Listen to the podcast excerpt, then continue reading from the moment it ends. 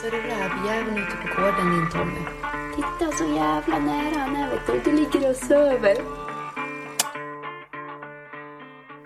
Nej men eh, nu drar vi vinnaren av eh, den här minifindern Rex och Så där ja, det var Malin Gremalm. Vann Minifinder Rex. Eh, grattis till dig och tröstpriset går till, eh, vad står det här? Amanda 99 Nilsson har vunnit en rovdjursjägare cap. Tack så mycket att ni var med och tävlade här allihopa.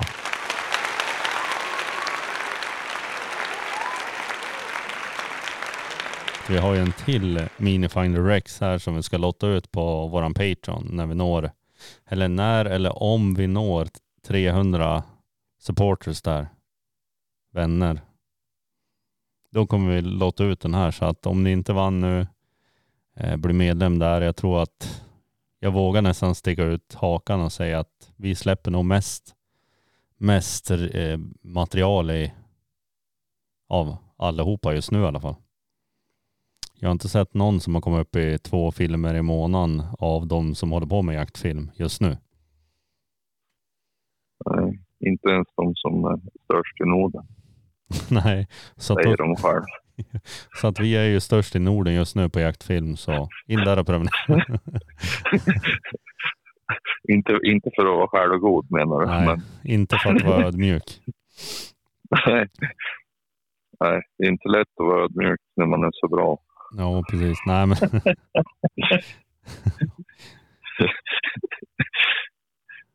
Observera sarkasm och ironi om du lyckas klippa bort det här.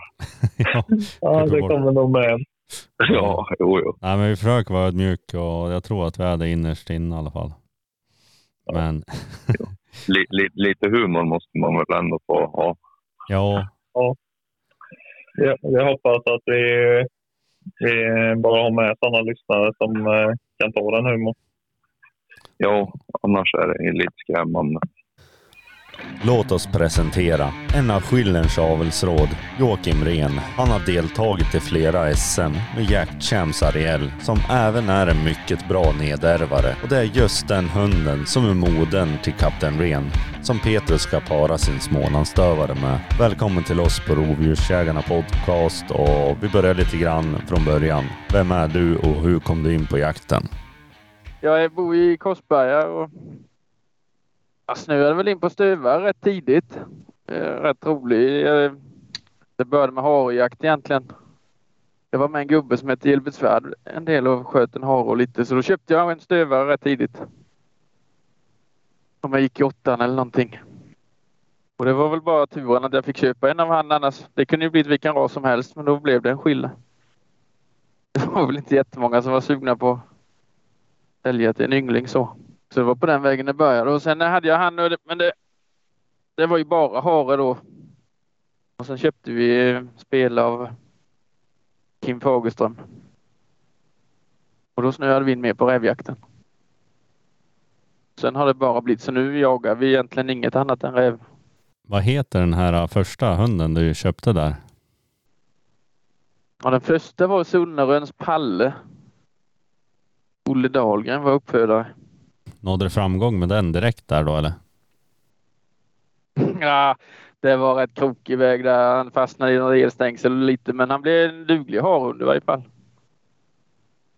Och sen av någon anledning, han drev lite räv med när han var liten, men när han blev helt rådjursren då slutade han helt med räven med i varje fall. Men om det hängde ihop eller inte, det är svårt att säga, men så blev det i varje fall. När kom eh, Jakt Champs Ariel in i bilden då? Ja, men det var då 2011 köpte jag Alfrida henne. Sen tjatade Kim på oss och vi var ute väldigt mycket. Den injagningen kanske inte jag får ta på mig all ära på. Elfrida drog nog det tunga lasset här egentligen. Hon är lite envisare med än en annan är till att sitta still. Så därifrån kommer väl söket och det med då. Men det har ju blivit några valpkullar där på Ariel och, och valparna har ju gått väldigt bra på lite större rovdjur också vad jag kan förstå här och berätta lite mer om vad vad är det för egenskaper hon besitter som är så pass bra? Ja, det är ju jättesvårt. Det... Men eh, hon har ju en fantastisk vilja. Jag har alltid haft eh, envis som fasen. Men det är många nackdelar med, med det, men det är väl det som har varit hennes stora så verkligen att hon är väldigt ensam hund. Hon går dit hon vill. Skulle det vara eh, så att hon kommer tillbaka, det är lite otur i så fall. Det, det är väl det som har varit att hon, eh, och i alla väder eller så där bara ger sig iväg. När du säger ge sig iväg, alltså hur långt snackar vi om nu då? Är det inne på grannmarken eller? Ja, vi bor ju som vi gör så det blir ju ofta på grannmarken. Men hon är borta tills hon är uppe oftast. Hon går och det är svårt att styra. Det är lite, ja, det kan vara lite tråkigt. Jag kan ju aldrig styra med en eller så där. Det blir nästan försöka styra honom åt ett håll så. Men fan heller, då går hon hellre åt andra hållet. Men det har väl också varit styrkan då. Ja, hon har varit lite egen sådär i väldigt intresserad av slag sedan hon var liten. Eh, sen var hon ju fruktansvärt rotig med som liten. Men vi lät ju henne hålla på då. Kunde ju gå runt en stubbe så i flera timmar men sen rätt vad det så halkade hon ju iväg. Minns du den första räven där då? Sen blev det rätt många rävar på henne tidigt sådär men, eh, men jag kan inte säga att jag just kommer ihåg den första eh, så att det var något. De flesta bommade vi väl i början. Var väldigt ivriga på att skjuta. Men... Men det finns ganska många som jagar räv just kring dig då? Typ som Kim Fagerström och Det är många här runt i- som har fastnat på rävjakten. Och med goda resultat med har ju många haft. Det, det har varit ett litet näste här.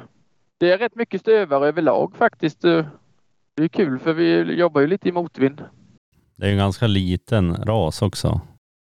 Ja, det är det ju. Sen, eh, ja, kollar man då eh, som skillen eller så i sig, eh, den håller ju sig på sin nivå rätt så bra. Eh, Den är ju liten, den, eh, den, den ligger ju runt 100 valpar om året ungefär, har gjort rätt stadigt länge. Men det är ju för lite egentligen, men eh, den har inte minskat så drastiskt som många andra. Så där får man väl se det lite positivt. Men när började du använda Jack Champs Ariel i avel här då? Det var ganska tidigt eller var det? Ja, hon hade första kullen när hon var två och ett halvt. Eh, och då eh, parade vi med Fröken Fröjds manne en inkostning så det var hälften finne i den. Hur slog det ut då? Ja, men det slog rätt bra faktiskt. Eh, Det har ju kommit fram eh, och gått vidare i avel med. Så Jerry Skogsberg den, eh, han har ju Bergasjöns söka ju då i den första kullen. Det väl, det, men det är bara hon som har gått vidare i avel. Det var en, ja, det var någon lovad, men de blev påkörd tidigt med och sådär. Sen var det en som fick fram en jättebra på hare, men sen dog ju den farbrorn istället, så då stannade det av där vid. Jerry Strid har väl också en avkomma Ja. efter? Han heter ju Strid nu. samma person du pratar om. Jajamän, ja men han har vi jagat med. Jaha, När vi var nere och, och Samuel här i, i vintras här och då var han med där. Sköt vi två rävar då. ja precis. Jo, jag tror den gryta den. Jaha. Om vi säger skillerrasen då, du har ju bidragit mycket till det och så du är ju också avelsråd här men vad är skiller för dig? Beskriv liksom en typisk skiller. Ja, det är ju deras eh, spårnojan eller så slagarbete. Det vill jag ju påstå är typiskt skille. Gärna i svåra förutsättningar eller så. De har ju näsan på rätt ställe ofta. Det är väl det jag tycker är deras främsta styrka eller så. Det är slagarbetena. Och sen är ju social och god hund, men det är ju alla stövare. Så. Men vad heter det? Daniel Jämt har ju en hund efter dig. Ja, han har ju en i sista kullen efter. Ja, Kapten Ren. Och den eh, ska väl inte vara en rastypisk skiller utan det är väl fart och fläkt om jag fattar det rätt. Ja, men Den är väl inte, inte så spårnoga enligt honom. Jag ska ju para med honom, eh, rasvårdsparning. Ja, precis. Det börjar närma sig förresten på tal om annat. Nej, men den är väl sen drevfarten. Men det är så väldigt individ. Det skiljer mycket i, i rasen med. Han ser väl i, i den här kategorin där de är lite snabbare och mer snabbsprungna då på dreven. Jo, men vart det något som varit genomgående i kullen eller är det just den hunden specifikt bara? Men det är, har nog blivit lite överlag efter Ariel. Lite snabbare kanske än medel på drev. Sen skiljer det ju givetvis där med i, i kullarna men eh, överlag har det blivit rätt snabba och ja, i mångas ögon då kanske lite för hårdskällda eller sådär men mycket annat har ju klaffat. Jo men det är väl liksom lite också, vissa vill ju ha hårdskällda hundar när de ska jaga björn eller lodjur eller så. Så det är väl en smaksak det där med. Ja, det är ju helt och hållet smak. Personligen, jag tycker ju om eh, mycket bättre om en som är lite åt det hårdare hållet än för lös. Det blir, eller jag tycker i varje fall eh, att det blir effektivare och lite lättare som passkytt. Sen får det inte bli för hård själv, men eh, jag vill ju höra tydlig skillnad om de är två, tre minuter efter. Erik, har du någon, vad gillar du? Är det hårdskälld eller är det lite lösare hundar? Ja, det beror ju på vad man ska jaga. Räv tycker jag då gör det inget om de är lösa, men eh, sen eh, på, på katt och, och björn eh, om jag eh, får välja så är jag gärna lite, lite mer sparsamt med skall innan upptag. Men eh, samtidigt är det ju så när de väl får upp så vill man ju att det ska gå bränt. Så, så eh, man hör vart det tar vägen hela tiden. Eh, så de får inte bli för hårda heller. Då kan de bli tysta i drevet istället. Ja, det är en fin avvägning det där vilket som är. Men mycket är ju tycke och smak i det. Jo, ja, så är det. Nej, men, eh, men eh, får man välja någon eh, eh, antingen eller så skulle jag ju säga att eh, eh, även att jag har ju en som är rätt hård nu men ja, lite, lite lösare hade jag gärna sett så det blir något växtskall då och då på rävarna i alla fall. Men man får vara glad för det man får lite. Ja, så. ja, och det är svårt att styra med. Ja, det tvistar med många i, men det, det är svårt i avlen med. Man tror att det här blir lösa, men det kan lika gärna bli hårda ibland. Ja, det är väldigt svår avvägning och, och svårt att gissa sig till. Ja.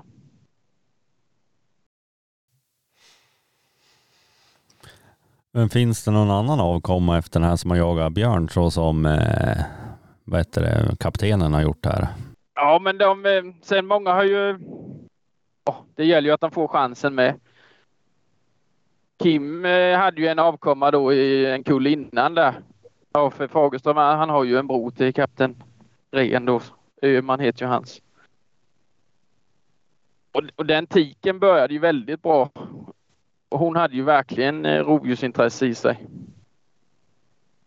Och hade ju chansen med, men eh, då drunknade hon ju tyvärr rätt tidig ålder. Annars det var, det var ju en sån tik. Ja, som var rätt lik sådär. En rätt jobbig hunden, men. Det blev alltid resultat efter henne. Jo, det är en i första kullen med som är uppe i Dalarna. Den har ju varit på lite björn och sådär med. Men ja, de måste ju hamna på rätt ställe för att få chansen. Här nere i söder är det inte så lätt alltid. När du säger en väldigt jobbig hund, var inte någon bak i led här som var väldigt jobbig och åt sig ut från bilar och så vidare? Eller ja. Jo, det är ju vår. Hon är ju lika dåligt än. Hon har varit rätt dyr i drift i bilarna faktiskt. Och det var ju även, och det där, det är lite kul för fadern till Ariel då var ju likadan. Han har också slaktat några bilar vad jag har förstått på ryktesvägar. Särskilt när det har grytat eller så, hon, det går inte... Det slår runt i huvudet på henne.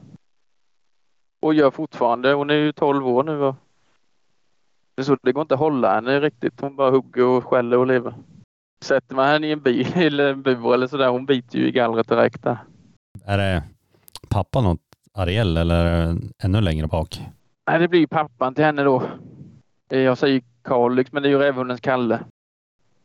Jag hade en rätt ny fin Honda. Den rök, bet sönder baksätet genom buren på något vis. Det är lite tråkigt när man kommer tillbaka till den. Om inte det har varit 13 jaktstarter och 12 prisprov kanske man hade varit lite surare då kanske. Ja, men det, jag har inte i huvudet exakt hur många det är, men det, det ligger, låter bekant. Men eh, har du startat om på SM också? Har du kvalat in där eller? Ja, två gånger har hon varit med.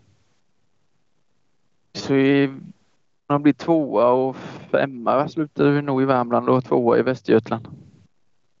Och där ser man, för hon är ju väldigt hårdskälld eller har varit genom åren men de andra momenten har hon ju gjort rätt bra då. Annars skulle, det borde det inte blivit de placeringarna. Nej, precis. Men nu där, där de kom tvåa då, vad var det som saknades? Så var det väckningen. Ja, där har vi ju, för det blir ju en tvåa direkt. Hon väcker ju inget. Så man är på stortävling eller så, om det går bra för ettan, då är man ju borta. Om man nu ska se det som tävling. Ja, men eh, är det många buktande drev eller vad är det för hastighet hon har egentligen? Ja, men om säger snittet är kanske 13-14 har varit i, genom åren sådär. Men hon får ju många långa drev med sådär utan att hon väcker. Det kanske är att de tar en större sväng innan de börjar bukta eller så. Det blir lite oroligt men. Det är väl enda, det, de grytar ju direkt för en som väcker med ibland. Det, går, det är svårt att dra en tråd i vilket som är rätt och fel. Sen är det ju trevligt att följa en hund som väcker givetvis. Det känns som att eh, kombinationen där när de väcker dåligt och har en drevhastighet på mellan 15 och 25 i snitt, liksom det kring 20, då eh, det är lite så min har jobbat. Då vill de ju hemskt gärna in fort. Ja. Har de antingen eller så ökar ju chansen till långa drev tror jag. Så är det ju när det kommer upp i de där, för det ser man ju eller så när, det, när de försöker ta en väg eller så för att komma undan lite. Då ökar ju bara farten. Då, då blir det ju gryt sen. Mm. Det lugnar ju sig med åren med. Men då när de är i sitt esse. Ja, då går det gärna fort. Ja, men sen det är en rätt trevlig kombo. Jag tycker det är kul när det blir lite resultat. Det blir ju effektivt. Har man då en terrier med eller så där, det, det blir ju ofta resultat. Ja, jo. Det är ju roligt eh, både och. Med en duktig Ja. terrier så. Det går inte att komma ifrån det. Det blir ju, kommer man med terriern sen, det är ju pricken över i det. Man får ju ofta något med sig hem då. Ja, det är gott till fre- fredagstacosen. ja. Vad har du för övriga hundar i hundgården? Det är en fox terrier och så en avkomma efter henne då. En skiljer till. Vi tog tillbaka en avkomma eh, från eh, andra kullen. Innan hon var fyra, hon var nästan fem år när vi tog tillbaka henne. För vi hade sparat en i kullen innan men eh, hon utvecklades väl inte så mycket här hemma så jag gav bort henne till en kompis. Istället. Och det är nog med, hon är väldigt individstark den gamla eller sådär. det fick, och så har vi alltid hundarna att gå ihop sådär. Och då fick jag för mig att hon blev lite nedtryckt eller så hon, hon stannade lite i utvecklingen men och sen fick hon flytta och bo själv hos han. Det blev ju inte sämre i varje fall. Hon är ju champion nu idag. Men om det berodde på att de gick ihop eller om det... Ja. Men det var en tanke vi fick i varje fall. Det är nog bra. Eh, de, blir- de blir rätt styrda om de går med tiken. Jag tänkte på, varför tror du att din uppfödning ändå har gått så bra, liksom är så framstående när det ändå gäller de här rovdjursjägande skillerna? Är det liksom någon speciell hund som finns i stamtavlan tror du, eller vad, vad? Ja, ja dels är det ju ren naturen givetvis men sen eh, jag håller ju rävhundens Kalle då väldigt högt som nedärvare. Och sen givetvis har jag Ariel med varit en stark nedärvare. Och det är ju där man har turen. Det är ju inte alltid att avkommorna blir det samma. Nej, sen ska de ju hamna hos rätt, rätt köpare också. Ja, det är ju det, givetvis det viktigaste. Och det fick jag väl med mig lite med då. Eh, fick ut, har fått ut många till bra köpare. I, när det var några sådana där som syntes på lite rovdjur och så med så har ju intresset även för en Smålandshund ökat. Ja, men hur upplever du liksom att, eh, om man ska säga fördelningen mellan folk som vill ha eh, räv, rovdjurshundar och harhundar har ändrats genom eh, den tid du har varit aktiv? Om de har ändrat sig vet jag inte. Det tycker jag har varit samma hela tiden egentligen. Tyvärr är, enligt mig är det ju lite för mycket två läger. Vi skulle samarbetat mycket mer mellan hundarna. Jo, men den är ju inte ensam om att tycka. Men det, det verkar ju som eh, högre upp i leden inte var så lätt att få, få till något samarbete. Men man får väl hoppas att det går åt rätt håll. I. Jag menar hur länge har de hållit på med den här så kallade rävsektionen i Stövarklubben och det finns väl aldrig en rävsektion. Men det känns ju också som skillen, eh, liksom om man säger tillbaks i tiden så var väl det en rävhund ändå, alltså inrotat. Den har ju varit tidig. Den, den har ju alltid varit bland skille eller ja, rävjägare eller så sen förr. Så intresset är ju hårt rotat i en skille, det måste man ju ändå säga.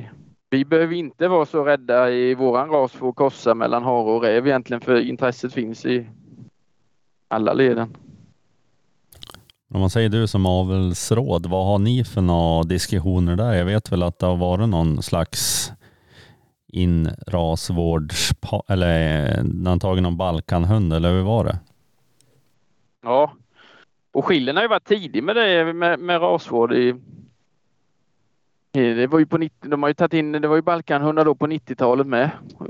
Med goda resultat och sen blev det ju, jag har provat många raser och sen finstövaren eh, Eh, då tog de in eh, på Finn, hette ju han då. Det har ju också blivit goda resultat. Och nu är det ju på gång igen då eh, för ja, det är ju svårt i en liten ras. Så man måste ju vara med med nytt blod så nu är det på gång med att det ska komma in Balkanstövare igen. Serbski Gonnik då. Och de har ju hittat eh, så Tommy Sundell och Kjell och ordförande har ju varit nere och hittade med, med rovdjurslinje med.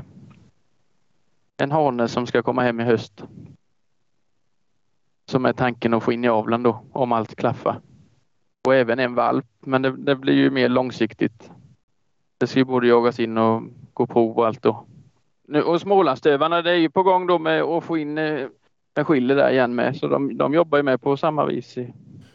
Jo, men det måste väl vara en ganska så eh, smart väg att gå istället för att hålla på linjeavel Att man kan se sig över i eh, en annan ras kanske och, och efter en hund som har de egenskaper man vill ha som inte är besläktad så att säga. Istället för att det blir för hög inavelsgrad. Ja, eh, jag tycker det är en väldigt klok väg att gå i alla fall. För till slut så till slut hamnar man ju i ett hörn det kan gå rätt fort så det gäller att vara med i tid om man nu ska hålla på med det. Det går inte att köra för mycket inavel i längden. Men hur stora liksom, problem är det att hitta just en täckhund till sin tik där om man har en skiller eh, hona tänkte jag säga som ska betäckas. Är det liksom, är det, det är väl större avelsutbud än på Smålandsstövare till exempel? Ja, det är det ju. I, nej men i, i dagsläget är det inga problem. Det är mer för att vara med som man har det i kanske om tio år fram när det har gått några generationer till. Att man, då har man redan med detta. För här väntar man tio år nu innan man tar in något, då är det ju lätt att det är för sent. Men hur är det att sälja skillervalpar här och det finns en stor efterfrågan? Ja, men det tycker jag. har varit i många år. På, men det är väl eh, skillen, den är ju, det är ju på rävsidan den har väldiga framgångar eller så, där de syns mycket. Det är ju det som håller rasen uppe, enligt mig. Men Erik, du har väl en skillerparning, eller hur var det? Ja, det har jag ju, men den är ju inte registrerad. Besitter den skilleregenskaper? Ja, Nej, egentligen inte egentligen. Det är, hon är ju rätt så... Hon är ju ganska lik kvinnan i jaktsättet. Snabb och... Och... Ja, alltså det är ju... Det är mest hastigheten som jag säger skiljer lite från de flesta skildrarna. Men eh, hon är mer lik en skiller i utseendet än hon är i jakten. Så kan man väl säga. Men... Eh, och det är, är ju något man har sett med i aveln. Eh, de blir skillelika väldigt fort. Det är rätt starka gener på det exteriöra i varje fall. Ja, det måste det vara för hela den, eh, hela den kullen var ju, det är lite vita strimmor bara. Annars är de ju som skildrare i utseende. Ja, sen ser man då som de här, det kan ju komma tillbaka generation tre och fyra. Det kan ju vara någon som det slår igenom jättemycket åt andra hållet istället. Kanske en valp i en kull. Ja, just det. Då ligger ändå det, det ligger och gror där bak i, i linjerna eller i generna. Men, Ja. men ofta blir de väldigt skiljelika när man korsar med dem. Ja, jag har ju sett lite eh, andra rasvårdsspaningar och sådär och de är väldigt skiljelika redan första. När det är 50-50. Ja, Med starka gener på det. Det var någon som såg eh, din nummer två film här och sa "Ja, äntligen, äntligen en riktig hund i filmen. Fast det var ju... Så de såg de ju din till synes skiller fast nästan inte. De är till och med en av, av bröderna till, till Bella där eh, har ju varit med på ja, vad det nu var. Det var ju Skillestövarnas eh, någon Facebook-sida för Skillestövan som omslagsbild. Eh, hamnade den ju eh, när den stod själv i grävling då. Eh, så till och med de hade ju, jag vet inte hur den hade hamnat där riktigt men det hade ju, hade ju synts fel i alla fall. Men den försvann ganska fort sen när det var någon som tipsade dem om att eh, det där är inte ens en skiller i papperna. så, så det är inte lätt att se skillnad på. Jag har ju till och med funderat på rasvårdsspaningar för det ju, den kullen var ju extremt bra jakt, jaktligt har varit. ja Och- hela kullen blev ju bra där väl. I, Ja, det är en, en tik som eh, blev eh, lite tokig i rådjur och lite sådär men, men eh, den, den fick lite för lite tid med. Men eh, den har även jagat räv och hare och liksom det han ska, men eller hon. Men eh, den, den, jag tror den fick lite för lite tid. Men i övrigt har de ju varit jäkligt eh, bra jakthundar. Det är ju ett antal eh, i kullen som jag vet är skjutit över hundra eh, rovvilt för. Så det nej, kul. Men det är ju det är synd att den inte reggades bara. Eh, vi försökte ju i efterhand då i och med att det inte var planerat. Så eh, försökte vi i efterhand att regga den då men det var ju tvärkört. Både vi, jag vet Anders Samuelsson hade ju en han, han var ju på och försökte och försökte men det, nej, det var kört. Så eh, tyvärr. Det hade kunnat tillföra lite i aveln annars. ja, men du nu då som är avelsråd, eh, en sån eh, avelsfråga. Om man nu säger att eh, parningen vi ska göra här, det är någon valp som blir, alltså den ser ut exakt som en skiller. De reggas ju som smålandsstövare, men om man då som ägare ser att ja, men det här kommer ju inte gå, alltså utställningsmässigt så, Går det då att senare regga om den till skiller? Ja, Tanken är väl att det ska kunna bli så i varje fall. Vi har pratat om det rätt mycket. Då kunde man ju dela på en kull och ser man ju lite vilken som blir vilken.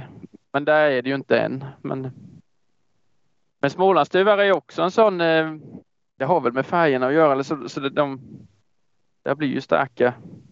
De kommer säkert bli väldigt lika Smålandsstövare många. Det är ju sen om det kommer tillbaka i för det är ju en snabbare väg. Vi har pratat om det rätt mycket med. Det är ju en rätt snabb väg att gå. Vi kan ju samarbeta lite sen kan man ju tycka. Då är man ju redan ett steg på vägen och ta tillbaka det från det hållet sen. Jo men exakt, så tänker jag också att det måste ju gå att samarbeta och inte bara vara egenkär. Ja, det är ju hårt eller så men eh, vi stövarjägare eller så, det är ju rätt tuff framtid. Det är, om man kollar statistik eller så vad det minskar i reggade hundar. Det ökar ju inte varje år. Så det, det här kommer ju bli en grej för alla raser med tiden i, om det fortsätter denna trenden, om det inte vänder. Nej, det är väl oss i Västernorrland som måste steppa upp lite för det finns ju knappt några rovdjursjägare här. De kan man räkna nästan på sina två händer tänkte jag säga. Ja men i alla fall i närområde här. Men jävlar om man åker till Småland då är de i varje buske nästan. Och sen, eh, ja, här nere är ju tätt. Det är ju kul. Man kan ju gå ut, det är ju rätt många stövar ute när man går ut här. Men sen framförallt uppåt, eh, det- vi måste bli bättre på att gå prov med ju. Så vi kan använda i lite mer. det räcker ju att gå ett prov så det man, då är man ju med i aveln sen. Jag har ju meriterat alla vuxna hundar jag har haft. Jag kommer ju meritera min Smålandsstövare förmodligen till hösten här. Om inte det händer något konstigt. Ja, precis. Nej, man ser ju intresset av jaktprov måste ju vara lite lägre norrut va, på ropsidan eller rävsidan då. Sen behöver det inte bli tävling av det, men eh, det gör ju jättemycket om de... Eh, en utställning och ett jaktprov så kan man ju vara med i aveln lite lättare. Jo, jo, jag håller med. Alltså, jag tycker att man borde mot uppfödarna bara kunna gå ett, alltså ett prov för att visa att hunden jagar. Sen spelar det ingen roll om det blir ett första eller tredje pris. Utan det är just bara för att få ett betyg på aveln. Ja. Ja, men så är det ju för den som är champion är ju inte... Han är där ju inte bättre när han är champion än när han har tagit ett andra pris. Nej, sen så går det ju att läsa provberättelsen. Om jag vill ha en hård hund som det krävs liksom tre rävar för att få till ett andra pris så står ju det i berättelsen om ja, den har kört tre rävar från och upp Ja. i den här. Så det, det, är liksom, det går ju att läsa sig till den vägen också. Vad man är ute efter beroende på så då. Det går ju också att komma tvåa på SM en hård hund som inte väcker alls vad jag kan förstå. Ja, men det, många hade, i, i den å- i ung ålder hade inte, det är nog många som inte hade startat henne eller sådär. Tyckte hon var alldeles för hård, men de får ju jobba betydligt mer, men gör de bara det så lyckas det ju. Då är det desto roligare att lyckas nästan. Ja, men det är det. För då gör de ju de andra momenten rätt så bra faktiskt. Och det viktigaste det är ju att ta upp skall och så. Det är, det är ju trevligt och roligt, men tar de inte upp så blir det inte så roligt. Nej, och det, sen så kan man ju tycka också att eh, man borde kunna se över provregler och så vidare så att det blir mer jakt, eh, om man säger likt en jaktdag, typ som de har i Finland. Ja, där kör de ju lite hårdare så. Det är väl där många eh, av oss tvistar eller så. I, för det är fortfarande en drivande hund. Eller så, men jag kan ju se själv, då, det är ju en rätt effektiv, eh, det är en väldigt effektiv hund om man ser den ta upp tre eller fyra rävar. Det ser man ju i provberättelsen då. Sen får man inte glömma bort att det ska vara drivande heller givetvis. Nej, absolut inte, men det är liksom de hundarna, de som har de hundarna eh, blir väl kanske räddare för att starta. Ja, det är, så är det ju absolut. Sen är det ju så att en drivande hund som får ner många rävar i gryt så driver de ju ofta bra. Eh, de, de är ofta eh, bra på att ta upp och de driver hårt på dem. Och, och det är ju, drevsäkerheten är ofta hög på dem. Ja, Annars får de inte det trycket på räven. Så det, det hänger ihop det där. Det är inte så att de hade släppt om de inte hade grytat utan nej, det gör de ju inte heller. Då fortsätter de ju. Det svåra är ju att ta upp som sagt och lyckas de ta upp och driva så sen att de driver så pass hårt så att den går i gryt så eh, Och sen i sista änden, det är ju... Det är klart att vissa hundar har en förmåga att hålla dem uppe på ett helt annat vis. Men många gånger, det är ju räven är ju den som styr drevet. Vill han gryta så gör han ju det för vilken hund som helst. ja det är vissa taxar som grytar eh, Ja. ganska omgående eh, emellanåt. Så är det ju. Det, eh, det är lustigt, man begriper sig inte på det där riktigt. ju, ju mer man håller på med rävjakt ju mindre tycker jag man vet. Det. Ja. Man är så jädra god då när man kommer hem. Nu har man listat ut det men sen nästa dag är det ju tvärtom. Ja. Och det är väl Ja. det som är tjusningen med det. ja, det går aldrig att lista ut hur det ska gå. Nej. Man kan tycka att det, idag är det fint väder. Nej, bara jävlas. Ja, precis. Så brukar det ju gå.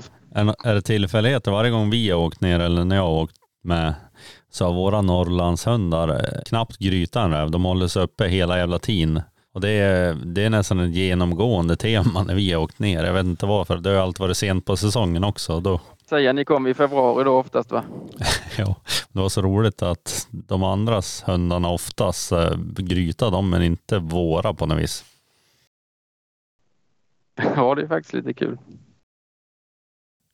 Och sen ska man väl kanske i ärlighetens namn säga att våra hundar måste sänka drevhastigheten för de är inte vana alla andra jävla djur.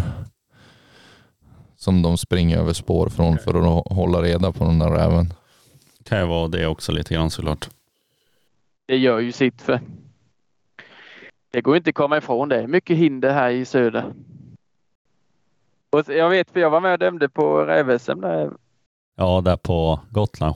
De har ju kaninerna med. Hur gick det då för hundarna?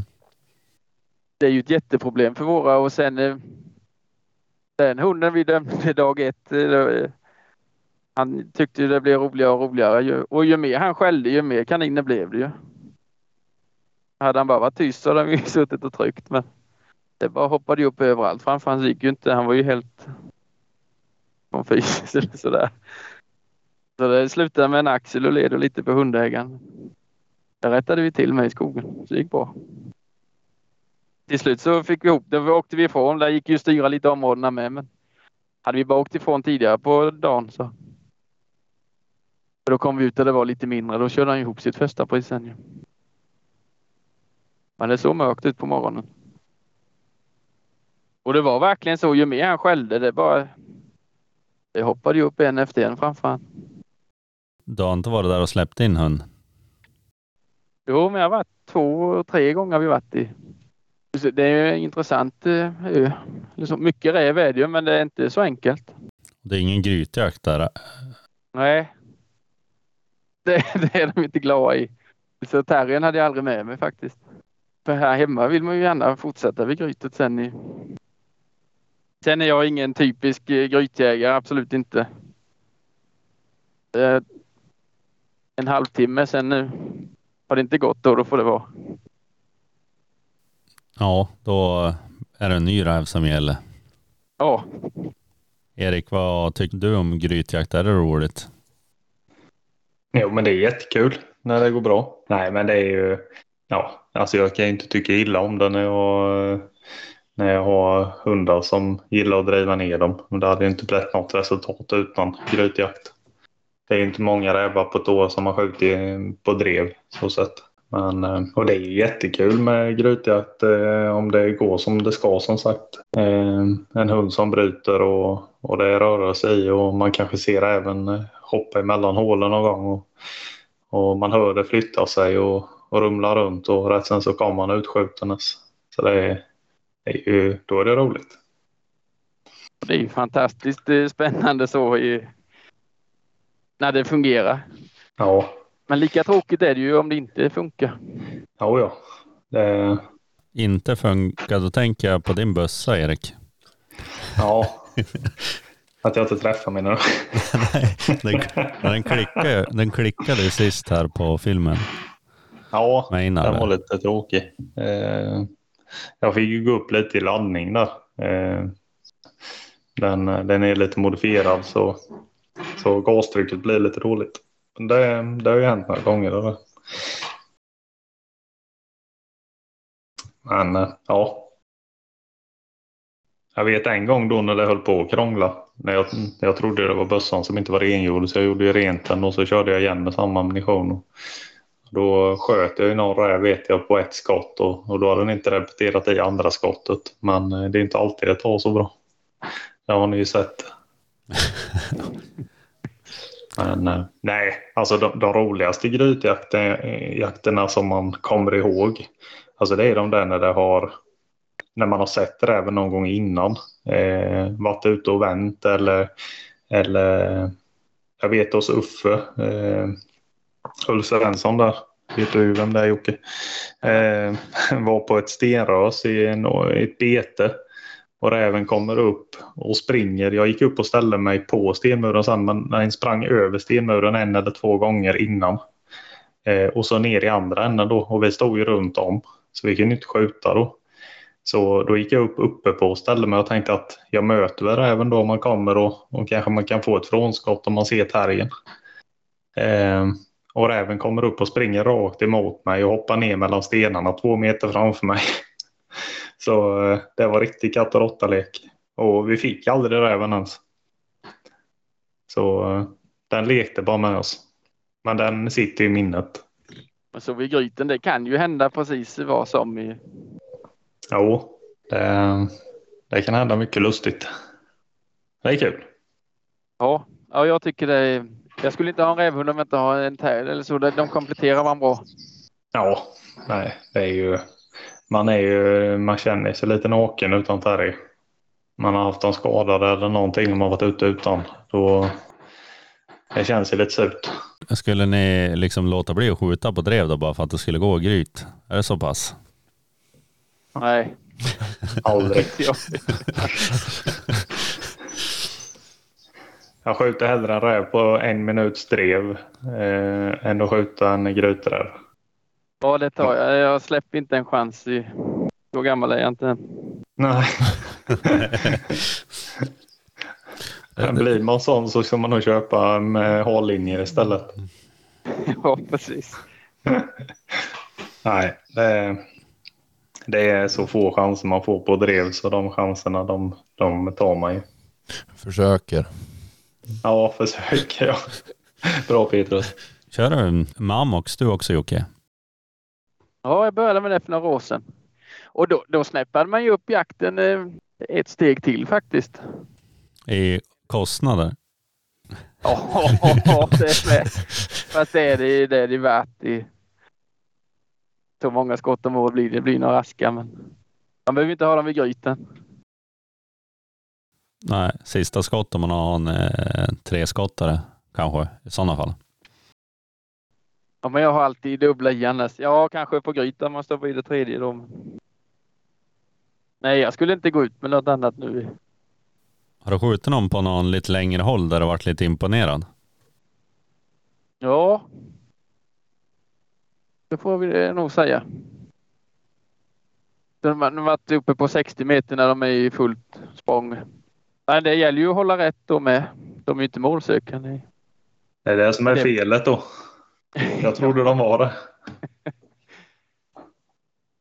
Nej, men det är många. Vi har fått lite återförsäljare här nere med. Dem ett par stycken, så det är många som har börjat med det. Nej, det är ju ett fantastiskt gott. i- Att det kan göra så mycket. Bara känslan gör så att det går bra kanske. Nej men alltså är de så pass mycket bättre utan inblandning av känslor? Jag vet inte. Är det den, Ja, jag tycker det. Framförallt innan sådär när man eh, sköt man ett dåligt skott innan man hade rottweiler eller någon skit i. Då, då är det ett dåligt skott. Men nu kan man ju säga på radion då om det är med, att det här gick inte bra. Men så driver hunden 20 meter in i planteringen så ligger ju räven där.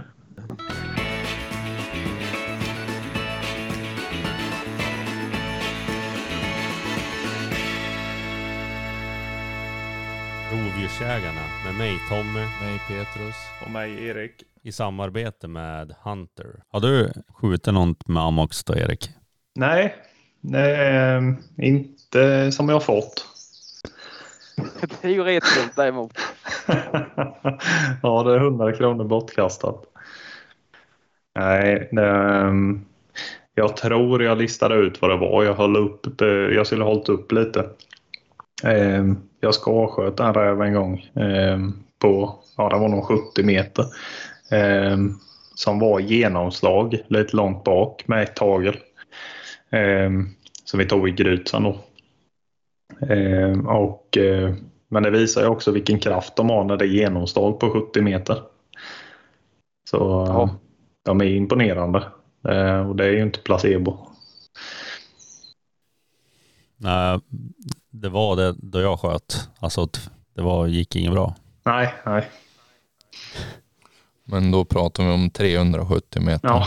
Han har ju lite sämre syn Tommy. Så det är som inte så Ja, ja, det var i Småland faktiskt. Kan jag också göra något med löften där. Ja. öppna landskap. Ja, ja. Det är fuktig luft nere. ju. referenspunkter. Det är alltid. Var det du hade i då i, i Norge med då? Nej. jag skulle, borde haft det då dock. Då hade jag fan fått den för det var två träffar med lite för långt håll. Det var fullt i hårtössar där. Då hade han inte råd. Nej. Nej. Alltså det var lite missflytt när man liksom åker land och rike runt och kommer liksom till en ny världsdel och sen så ja, får man ett läge på drev och då förvalt, eller ja, det var lite för långt håll jag sköt på. Och sen gjorde jag av med alla skott också. Det var ju lite det som var lite komiskt. För sen så kom ju räven på eh, fem meter bara. Och då hade jag slut på skott. Man ska alltid spara ett, antingen till sig själv eller till räven kanske som Ja, det går inte att ta med för många skott ut dag i varje fall. Det har hänt så sjuka grejer ibland så det är inte... Nej, så är det. Ja, det jag vill inte fråga dig som vi gör varje gäst här. Då måste jag ha något speciellt minne med någon sjuk grej som har hänt. Eller en bra jaktminne. jo, men det finns några stycken men det är svårt att välja. En sån riktigt konstig grej som eh, det har hänt en grej. Eh, eller det, det var uppe i Norrland det med. Det har hänt rätt mycket där med. Det är ju konstigt. Eller Norrland, det är uppe i Hoting brukade vi åka då för. Men då drev vi in eh, en räv där. Och så vi, jag fick han in i ladugården och bara med, han la sig där bara med han ut.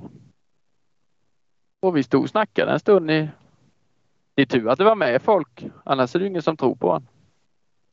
Och rätt som det var sprang räven iväg. Och då dragit den i bakbenen ut. Ja, alltså Så ni hade, hade ni skjutit den eller vad, vadå? Ja. Så jag tog med han och vi ställde oss och pratade och bara, det viftade till en gång i svansen, sen bara flög han iväg. Så ni skulle, ni skulle börja ta massa kort och liksom... Ja, den låg ju där jämte, eller sådär, det var upplagt. Skulle bli värsta bilden. Men det, och det blev lite jakt med, vi, det var inte långt men 300-400 meter till drev hon i, och sen in i en vägtrumma då istället. Men det händer ju bara med rävar. Alltså den Ja. där grejen. Man har ju hört om eh, förr i tiden folk tog in rävar. Det var någon historia här utifrån. De hade tagit in den i ja, de skulle flåden då. Den, de hade skjutit på vak och tog in den i värmen i huset. Och räven började leva inne i huset sen. När den blev varm. Då hade den ju fått lite dålig träff och börjat att leva runt där.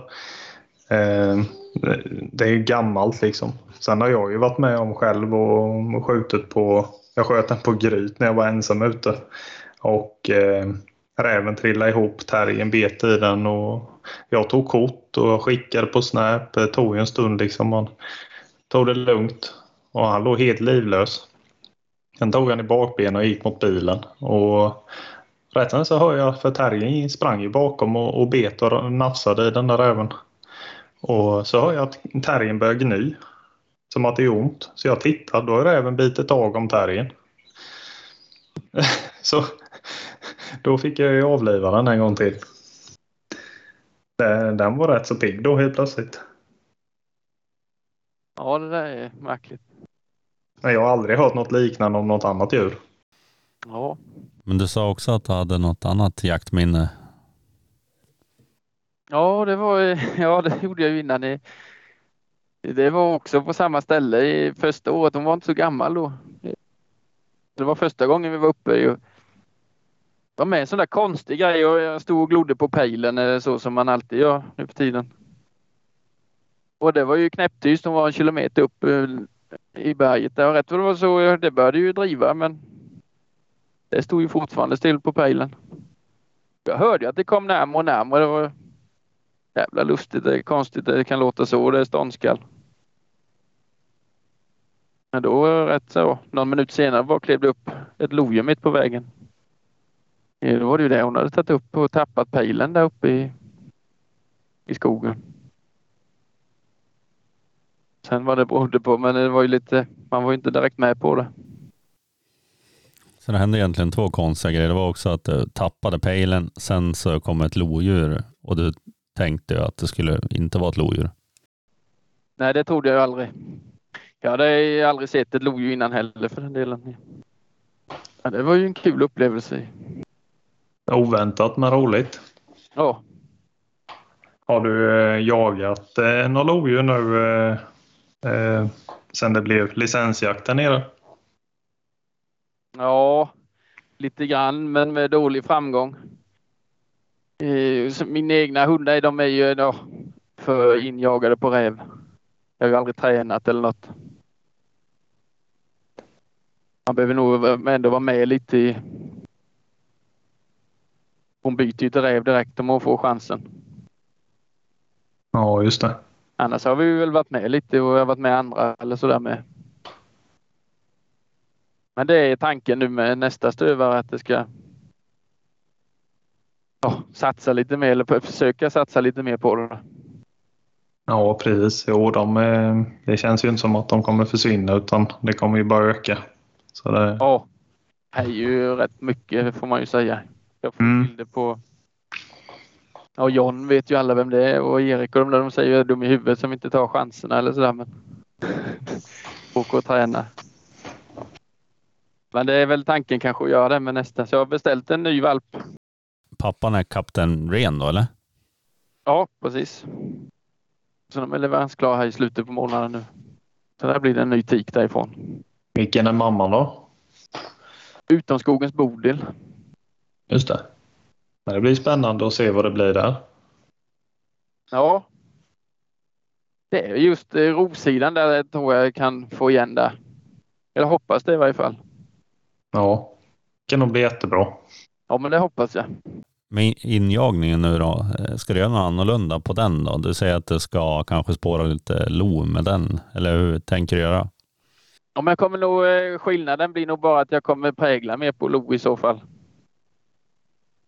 I de chanserna nu när man ligger kvar i sängen kanske man åker och spårar istället. Annars, eh, det finns ju inga genvägar, de måste ju vara i skogen. Det gäller bara att ha tiden.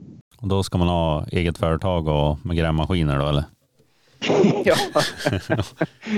Nej, det har ju blivit lite fel där. Eh, Som tur är, vi är ju två som är intresserade i familjen. Kanske det som är framgångssagan. Ja, för min del har det ju varit det, helt klart. Men sen det blir mycket för... Jag lägger inte... Jag är med och jagar älg två dagar om året ungefär, annars är det bara rävjakt. Ja, vad gillar du mest då? Är det älgjakt eller rävjakt? Nej, det är ju räv, helt klart. Och det är att skjuta på drev som är den här äh, pricken är vit. Nej, men jag... Ja, det är det ju. Sen jag står ju inte och släpper ut den i grytet heller kanske. Nu kanske du har lite grann och alltså få skjuta en lokatt för din nya hund där. Ja, det är målet. Jag har haft turen med och haft en terrier som har funkat ihop samtidigt. De är jämngamla. Det får man nog eh, säga är tur bara i... Det är inte så lätt att få bägge till att funka samtidigt. Alltid. Och då har det ju blivit effektivt. Vi har skjutit väldigt mycket räv genom åren. Nej men eh, många när man frågar vilken är deras bästa jaktdag, det är den dagen de har skjutit som mest strävar på den dagen nästan. Du har ingen sån här eh, multi-kill. Eh, ja, men det är ju alltid kul när det blir några stycken på en dag. Det är det ju. Ja, vi är mer, nej, eh, jag känner ju mig mer stressad om jag har folk som passkyttar än att gå ett jaktprov.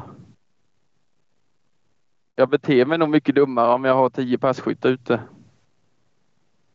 Det är så jag känner press att man måste få upp fort. Annars är jag ute själv och man sitter och jag blir rätt imponerad när de kan gå i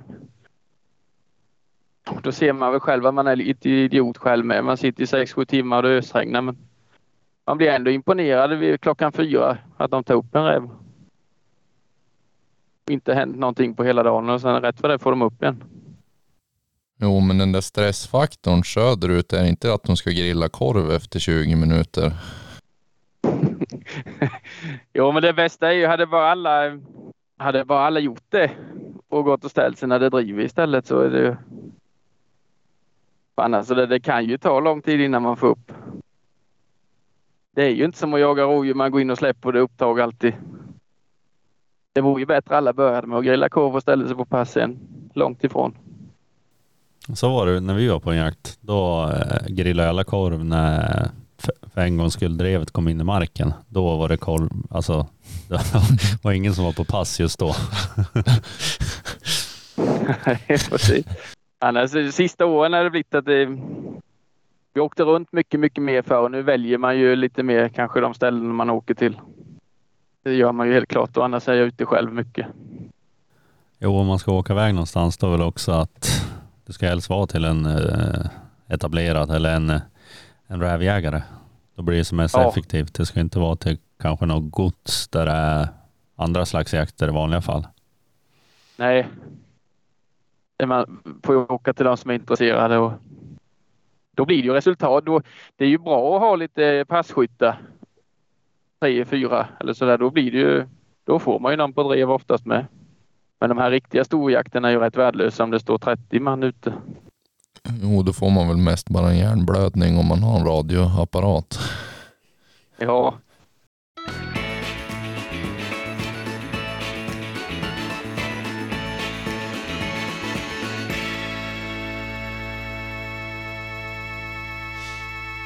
Är det många som tar upp hare på särskilt rävprov då?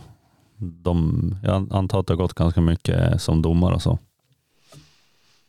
ja men så är det ju. Eller det går inte. Det blir ju några som tar upp. Och det syns ju på, eh, som på Smålandsräven och sådär med och Ölandsräven. Det blir ju lite hardrev då på och visst, den, den gör ju inget fel, men är det ett särskilt rävprov så är det då, då måste man premiera den som inte... För här nere finns ju lika mycket hare överallt. Går Men det är väl så att man får inte räkna ihop tiden på rävdreven om det är ett hardrev emellan va? Jo, det får du. Var det något Smålandsräven hade bara, bara för det provet då? Det är väl en grej som är på diskussion nu att man kan... Eh, ja. Att det kan bli så att man inte gör det. Jag, jag var ju med med Alice för det är ju rätt många år sedan. Eh, hon var ju född 10. Så det var väl typ kring 2015.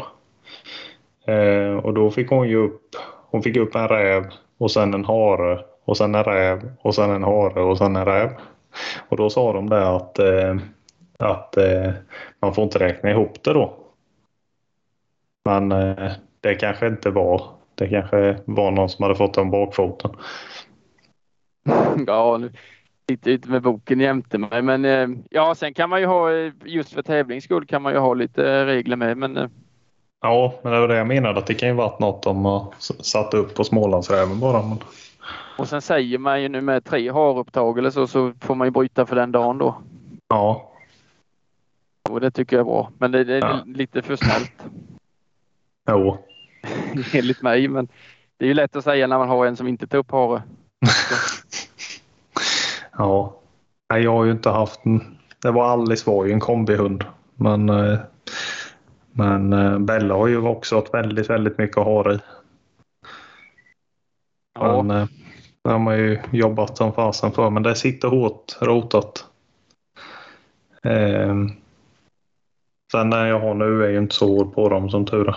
Men eh, de, de ska ju ha betalt för det som du säger. Om det, de ska ju få starta på särskilt rävprov men det ska ju, det ska ju de hundarna som är helt harrena ska ju få betalt för att premieras. Ja de borde få något för det. ju.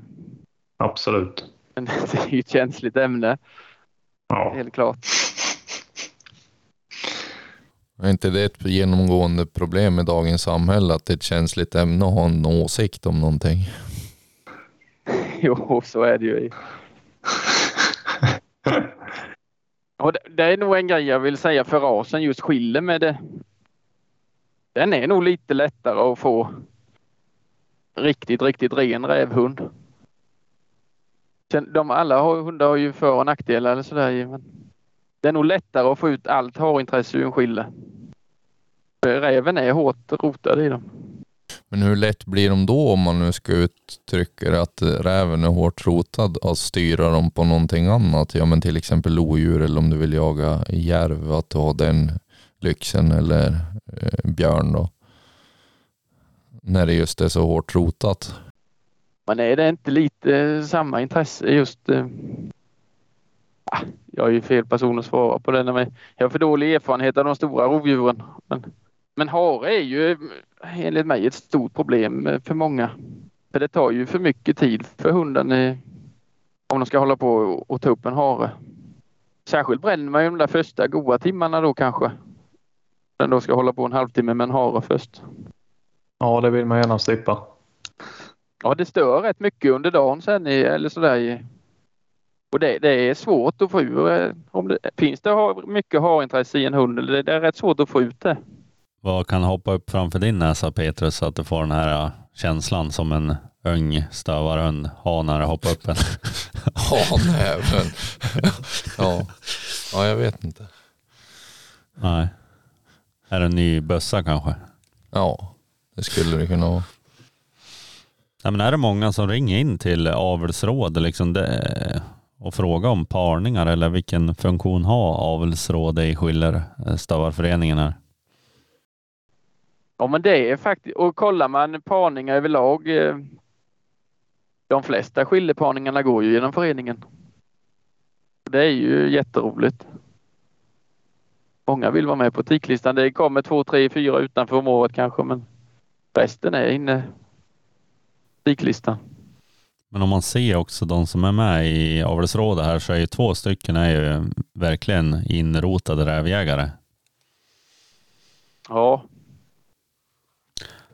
Så att skillen används, används den mest till räv skulle du vilja säga eller är det 50-50 ungefär? nej, den används ju mer till räv. Helt klart. Det var ju, och det, ja i varje fall sista åren. Och det, så, det ser man ju parningarna med. Det är ju rävhundar de frågar efter oftast. Som eh, någon funderar här som lyssnar på oss och vill ha en skillern där som är en rävhund, eh, då ringer man kanske till dig och hör, hör vad det finns för parningar på G här. Ja, det var ringa. Någon i mig eller någon annan där. Eller Jerry kanske. Ja, det är bara att ringa vem som. Ja, men det var skitkul att du ville prata lite skilder om- med oss på Rovdjursjägarna här. Med mig, Erik och Petrus.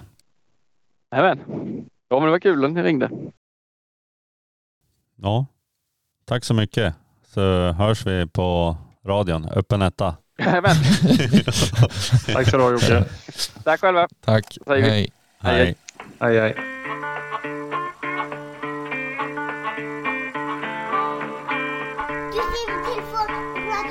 Backlund. Jag jagar och jagar. Jagar och jagar, jagar. Med dina kompisar. Du får inte göra det en gång till när jag drar i håret. Du jagar.